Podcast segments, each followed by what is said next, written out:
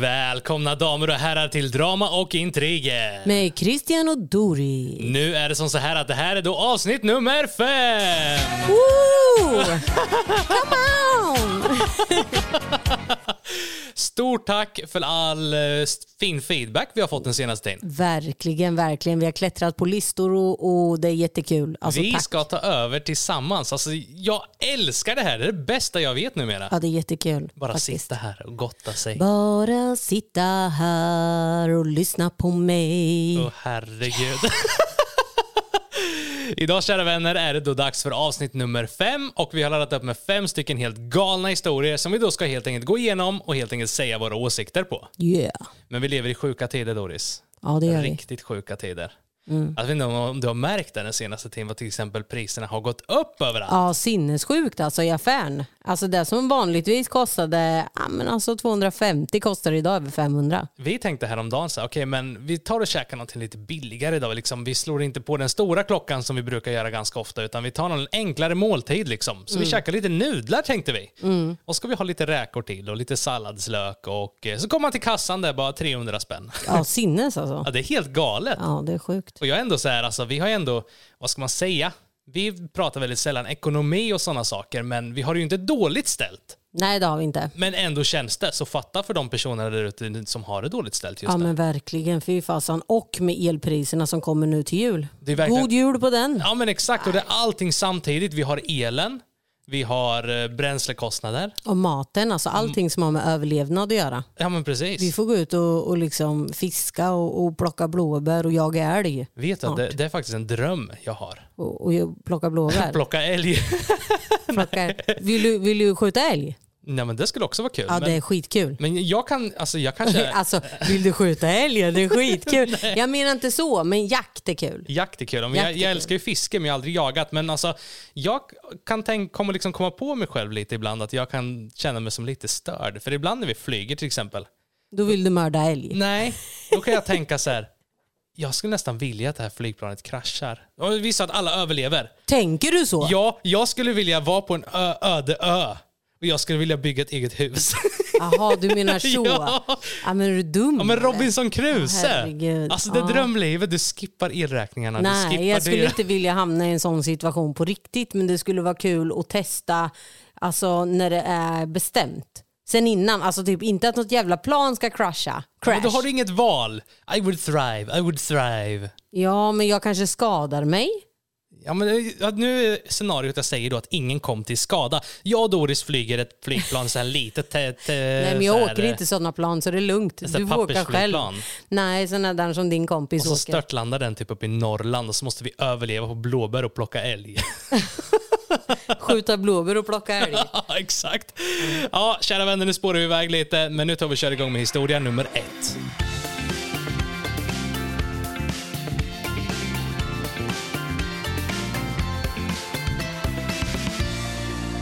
Hällde habanerosås i hans kondom.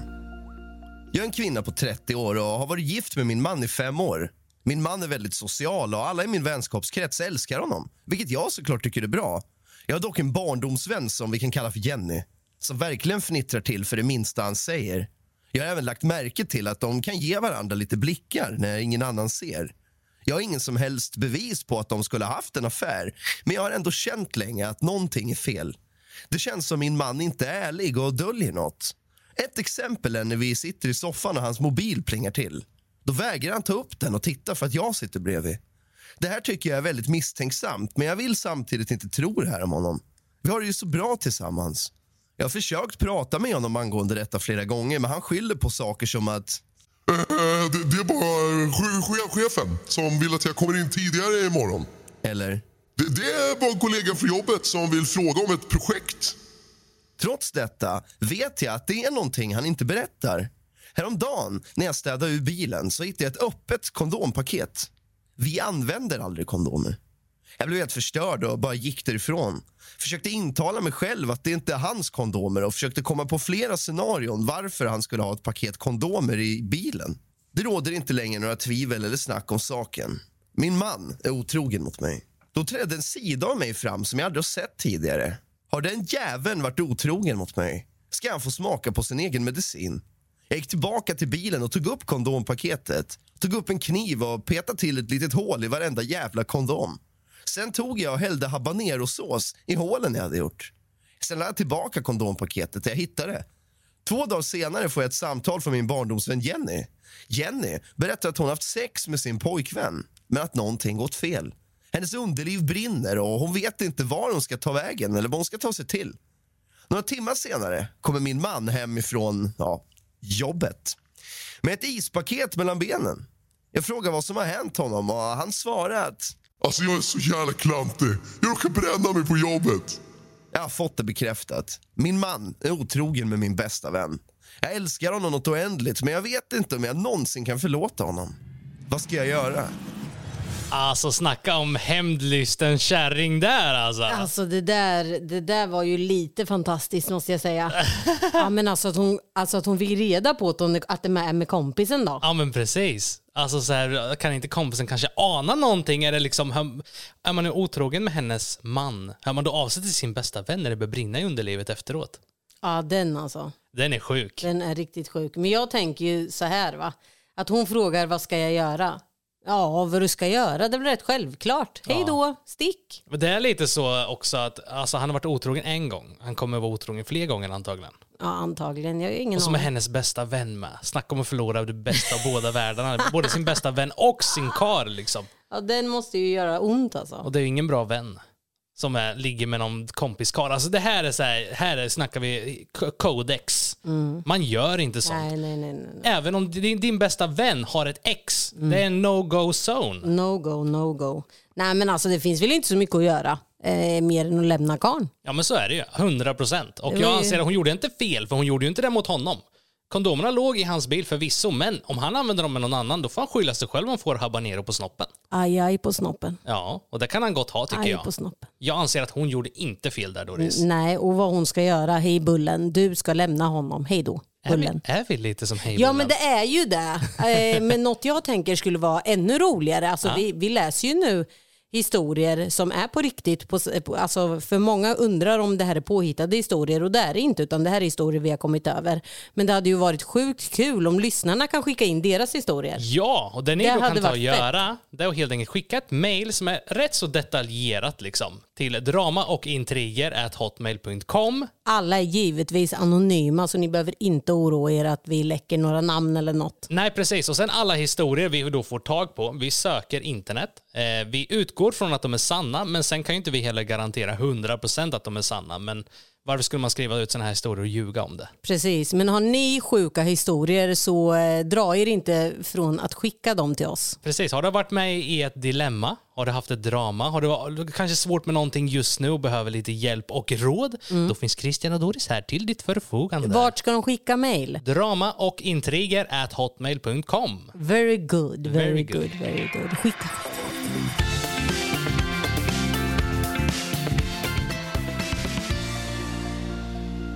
Jag stal barnens leksaker.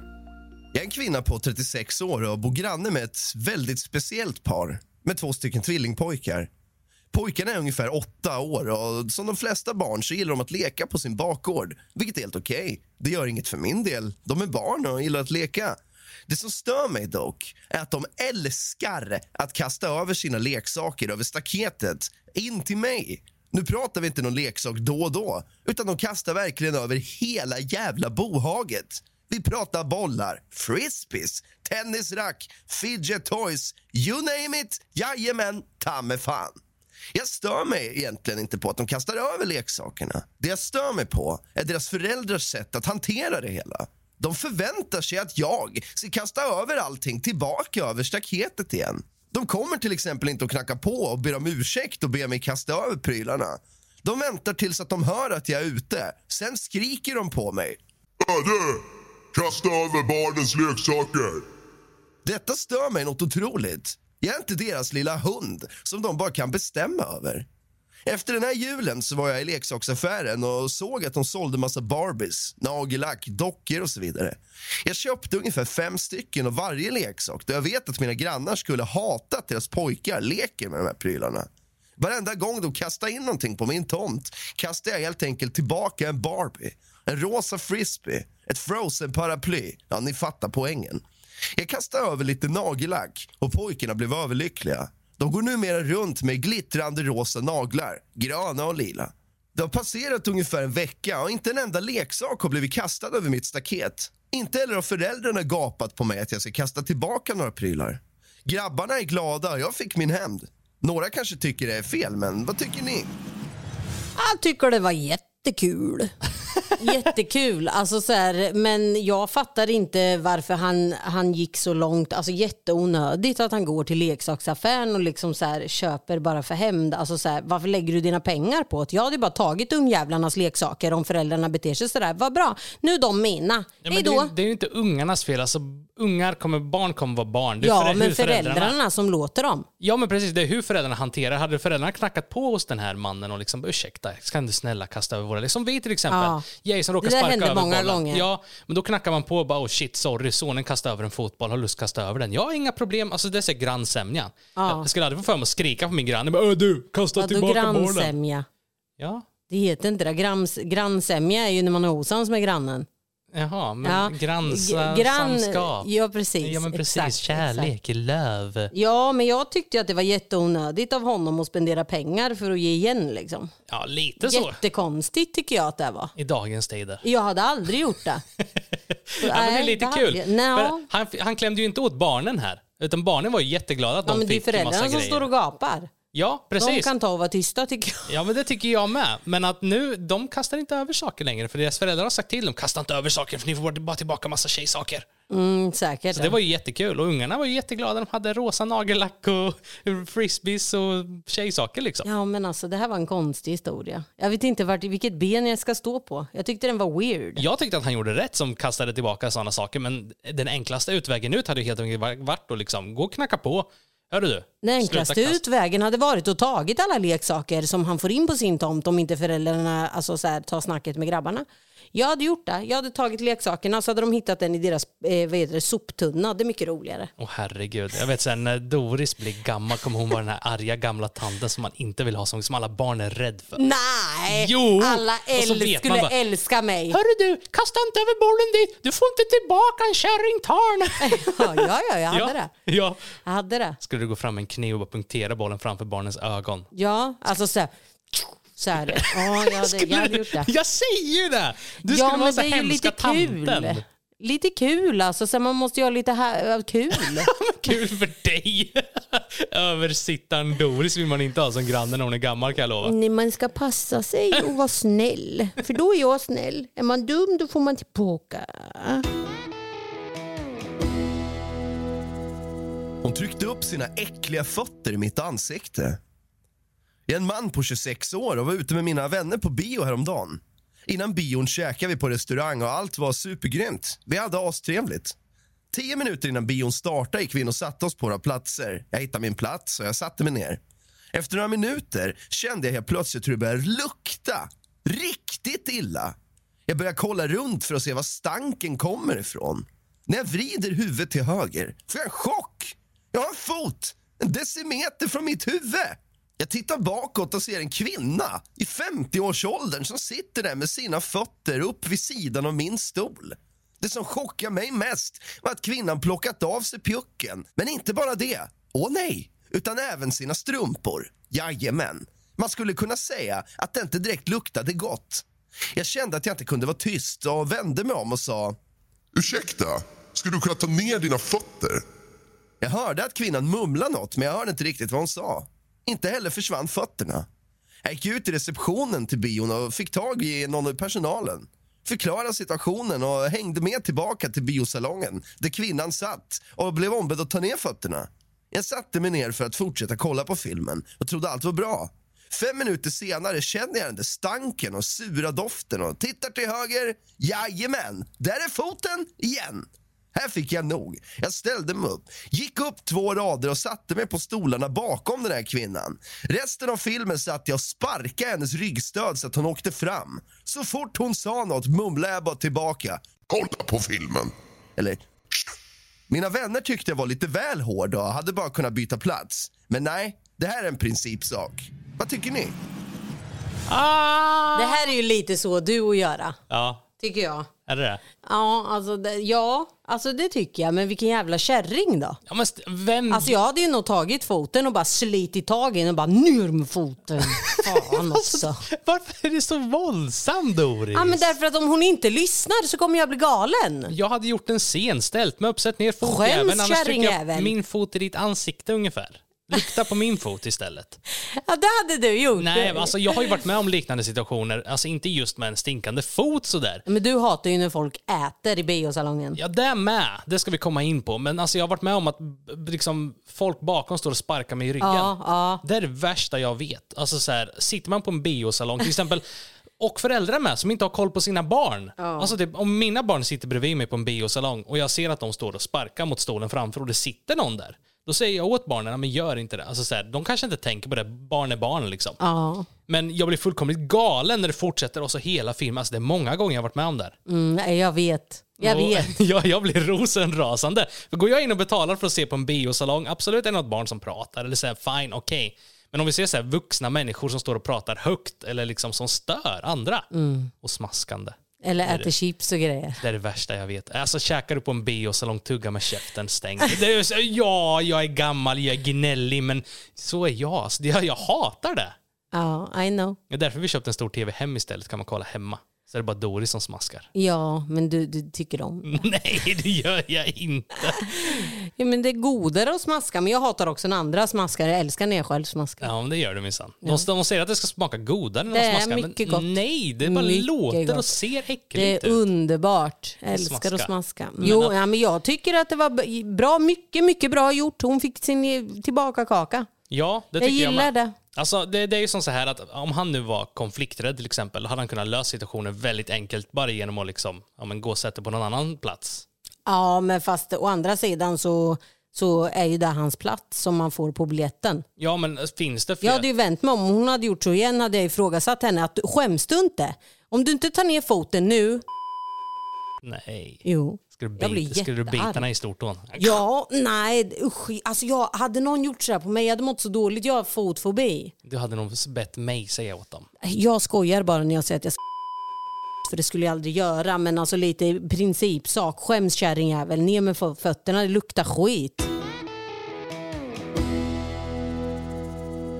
Jag spärrade mitt kreditkort efter att min pojkvän inte ville ge tillbaka det. Jag är en kvinna på 27 år. Jag och min pojkvän på 30 har varit tillsammans i tre och ett halvt år. Jag har hoppat mellan arbeten medan min pojkvän var sjukskriven på grund av utbrändhet. I vårt förhållande är det jag som har hand om vår ekonomi. Jag betalar räkningar, handlar, betalar hyra och så vidare. Jag använder mitt kort så fort jag betalar något som vi behöver. Förra veckan kom min pojkvän från ingenstans och frågade om han fick låna mitt kreditkort. Jag frågade varför. Då det är jag som sköter all handling och så vidare. Han sa att han vill köpa maten den här gången och att det inte var några problem. Så jag gav honom kortet. När han kom hem från butiken frågade om jag kunde få tillbaka kortet. Han svarade, vilket kort? Jag trodde att han skojade till en början, så åt honom att ge tillbaka det. Han vägrade. Han sa att det är mycket bättre att han har kortet och inte jag. Det- Att det är mycket bättre att han numera betalar för allt vi behöver.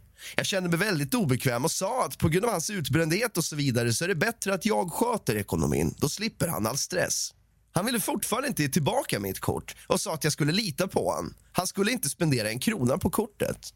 Dagen efter ringde jag banken och spärrade kortet och sen beställde ett nytt. Det tog inte lång tid innan min pojkvän ringde och förklarade att kortet inte längre funkar. Jag sa att det var på grund av att jag spärrat det och beställt ett nytt. Han tappade totalt och började skrika att jag inte litar på honom och hur ekonomiskt misshandlar honom. Jag la på hans öra. Lite senare fortsatte bråket hemma och han kallar mig paranoid och barnslig som inte litar på honom. Det har passerat tre dagar sedan det här och han har inte sagt ett ord till mig.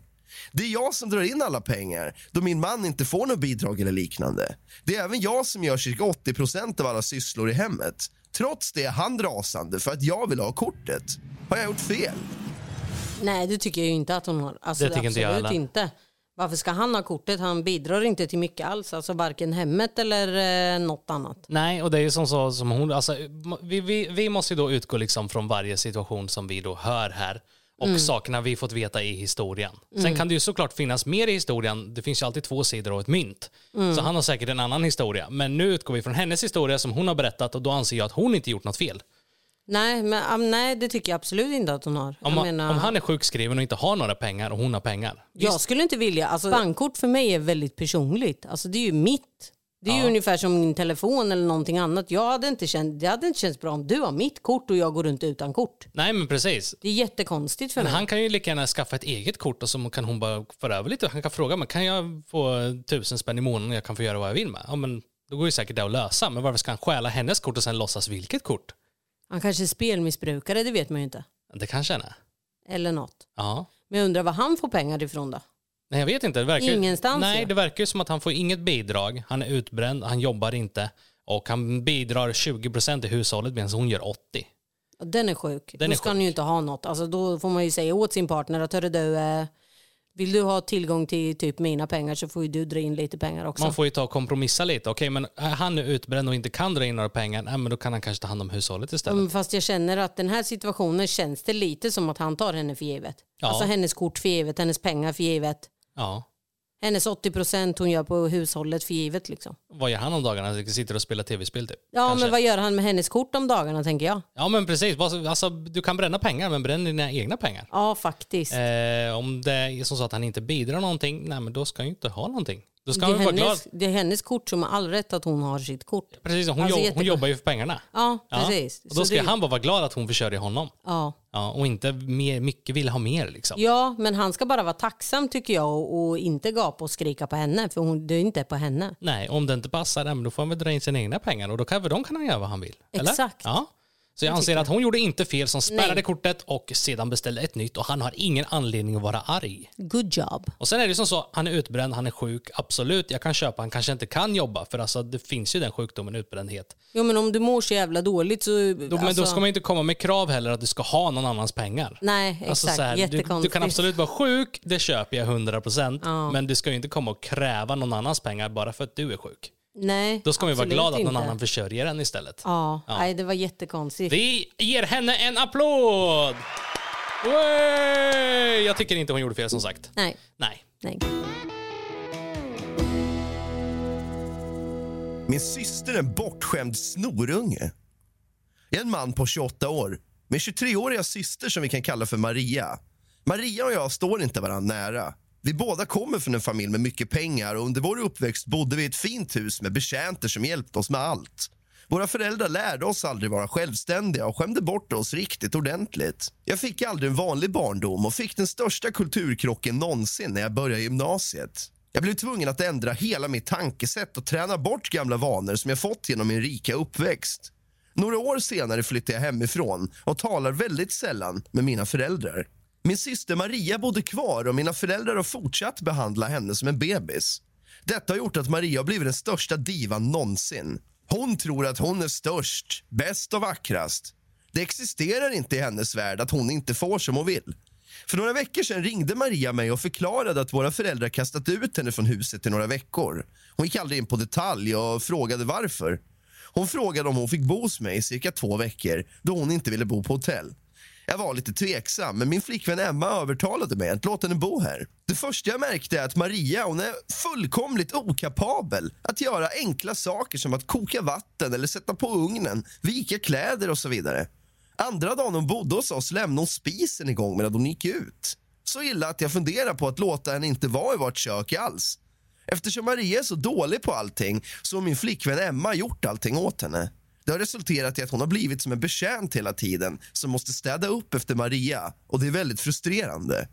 Emma mår dåligt av att se Maria vara så okunnig och har erbjudit henne att lära henne göra saker som att bädda sängen och så vidare. Maria menar på att varför hon ska låta sig lära de här sakerna när andra alltid gör allting åt henne. Jag kommer alltid att ha människor som gör de här sakerna åt mig, säger hon. Häromdagen gjorde Emma croissanter. Det tog två dagar att göra och blev totalt 18 stycken. Dagen efter så gick Emma och jag ut på lite ärenden. Vi hann aldrig äta, men tänkte att vi kunde äta lite croissanter när vi kom hem senare. Fattar ni hur förvånad jag blev när jag kom hem? Och alla croissanter var borta. Jag konfronterade Maria angående det här och hon erkände att hon ätit upp alla 18 croissanter. Jag blev lite upprörd och sa åt henne att behöver inte vara så självisk och kanske kan tänka på oss andra och inte bara sig själv. Hon svarade att det inte gör något att hon åt alla och att tjejen bara kan göra nya. Jag blev så otroligt arg att jag sa att hon kan inte bo kvar hos oss då hon beter sig som en bortskämd snorunge. Maria börjar gråta och bönar och ber om att få vara kvar. Vad tycker ni? Ja, alltså hon är riktigt bortskämd. Vad svårt ändå, för jag menar det här är ju hennes uppväxt. Hon vet ju ingenting annat. Nej Förstår men, du? nej, men samtidigt så måste hon ju ändå vilja lära sig. Hans Mm. flickvän Emma sa ju ändå, "Men jag kan lära dig hur man bäddar en säng. Hon bara, nej men varför ska jag lära mig? Det kommer alltid finnas folk som gör det här åt mig. Det är jättekonstigt. Att Alltså, vad är det för finns jävla synsätt? Det finns såna här människor där ute. Ja. Eller förväntar sig att nej, men det här behöver inte jag göra. Jag tror nog att man lär sig att vara lat. När man, Ja. alltså så här, eller lär sig, man blir nog en lat jävel. Man tar allting för givet. Sen Ja. kolla han till exempel, han insåg ju ändå att oh shit, jag blir daddad för mycket. Jag kommer vara helt körd när jag kommer ut i vuxenlivet. Så han tog ju ändå tag i saker. Mm. Ja. Och så fick han ju en kulturchock. Alltså när han började gymnasiet eller college så det var, alltså då fick han se att ja men Det är så här det ska vara. Det är folk så här. lagar inte min mat, folk Nej. bäddar inte min säng, folk gör inte en rostad macka på morgonen. Eller Nej. så här. Och då liksom, han lärde sig den hårda vägen och lärde sig. Mm. Men hon är fortfarande bortskämd. Alltså vad, vad hemskt. Ja, nej. Alltså jag hade väl... Alltså jag hade, eftersom att det är hans syster. Om det hade varit min syster så hade jag sagt så här. Och, och han sa att han, hon ska få flytta. Jag hade sagt till henne att antingen om han vill ändå att hjälpa henne och att hon ska få bo kvar. Ja. Då hade jag ändå sagt att okej, men du får en chans till. Att antingen så väljer du att ändra på dig och börja hjälpa till här hemma och börja lära dig saker. Annars så kan du flytta. Ja. Alltså förstår du, jag har ju inte bara kastat ut när så hon blir chockad. Nej, nej, men precis. Men jag förstår inte föräldrar som gör den här otjänsten till sitt barn. Oavsett hur mycket pengar man har så måste man lära sina barn liksom så här, att vara själv, Rätt från fel liksom. Ja, precis. Visst, man, du har en betjänt som lagar din mat, absolut, men du borde ändå lä- lära dig själv med. Alltså, för du kommer inte alltid ha en betjänt. Nej. Alltså, så här, visst, vissa kanske har det, men alltså, man ska ju alltid kunna saker ändå själv. Ja, För man gör ju sina barn en otjänst genom att skämma bort dem något innerligt. Alltså, så här. ja, verkligen, verkligen. Som vi till exempel, vi, vi- jag kan erkänna vi skämmer bort våra barn ganska mycket. Mm. Men samtidigt som vi skämmer bort våra barn så lär vi våra barn sakernas värde. Ja. Och att pengar inte växer på träd. Och liksom, så våra barn ändå uppskattar det. Och det tycker jag är en helt annan sak emot än att bara liksom ge, ge, ge, ge saker. Ja, nej, precis. Och sen också att barnen får känna själva att, att ja, men alltså, hjälper de till i hemmet så kanske de får en, en, en liten slant. Liksom. Alltså, nu pratar vi inte stora summor, men en 10, 20 beroende på alltså, grejer de hjälper till med. Ja men precis, ibland kan vi packa lite ordrar och Katalea vill jättegärna komma in och hjälpa till. Mm. Ja men absolut, kom in och hjälp till så kan de få tjäna en liten slant som kan Ja. köpa något hon vill för. Men det, det är ändå viktigt att lära barnen värde på pengar tycker jag. Alltså så här Mm. Absolut. att det, det kommer inte gratis. Eh, men åter till historien då, att hon gjorde sådär, alltså att hon menar på att ja, men hon kan ju bara göra nya croissanter. Bara för att hon käkade upp alla, men de tog ju två dagar att göra. Om det var 18 styckna. Ja. Hon då tryckte alltså, på ett par timmar. 18 det, det, styckna. den är sjuk, men de kanske var jättesmå. Ja, jag vet, vet inte. inte. Nej, Men de, ja, 18 stycken, det är 18 mycket stycken alltså. även om de är Ja. små. Jag vet inte om jag hade fått i med det. Alltså. Och även om man är bortskämd så kan man kanske tänka, okej jag bor hemma hos min brorsa. Hans tjej har gjort croissanter, ska jag checka upp alla 18? Eller kan jag kanske nöja mig med fem? Eller fem på sin höjd, alltså om det nu finns så många liksom. ja, Det är väldigt grisigt och egoistiskt tänkt att Ja, bara äta upp verkligen. alla. Ja, nej, det, det, det där var grisigt. Har man köpt det själv, ät upp alla. Mm. Men har du inte köpt dem själv och det är någon annans, ät inte upp alla. Tänk på någon mer än dig själv. Ja, precis. Tycker precis. jag i alla fall. Men alltså så här, ja, Jag hade nog satt mig ner och snackat med henne. ett seriöst snack och inte Ja. liksom skälla och kasta ut något. Först ett seriöst snack att liksom förklara att okej du bor här hemma men då får, det får bli skärpning. Ja, precis. Och om det inte passar då, nej men då är det ju adios, farväl, bubba, bye bye. Vi ses adjö farväl. Godnatt, sov gott min, Min vän. vän. ja ni kära vänner, avsnitt nummer fem av drama och intriger. Och är det som så här att nu du kanske har en litet dilemma eller en historia som du känner att du vill dela med dig av som vi kanske läser upp i vår nästa, nästa avsnitt. Maila därför tjejvände. Drama, OCH, intriger at hotmail.com. Och jag måste bara slänga in här vad jag älskar när Rask säger bebis. Jag har fastnat för den och jag hör honom i huvudet säga bebis. Bebis. Ja, men han säger, ju- han säger inte bebis. Ja, men han är från Stockholm. Bebis. Han är från Trosa, Rask. Bebis. Ja. Och där, kära vänner, summerar då avsnitt nummer fem av Drama och intriger. Glöm inte bort, ge oss en recension. finns några stjärnor där uppe vid sidan som du kan välja mellan ett till fem stjärnor. Men om du känner oss rätt så rösta fem. Fem, fem, fem. fem. Inte fyra, inte fyra, fem, fem, fem. Stort tack för att du lyssnade. Vi hörs helt enkelt nästa vecka på onsdag. Puss och kram!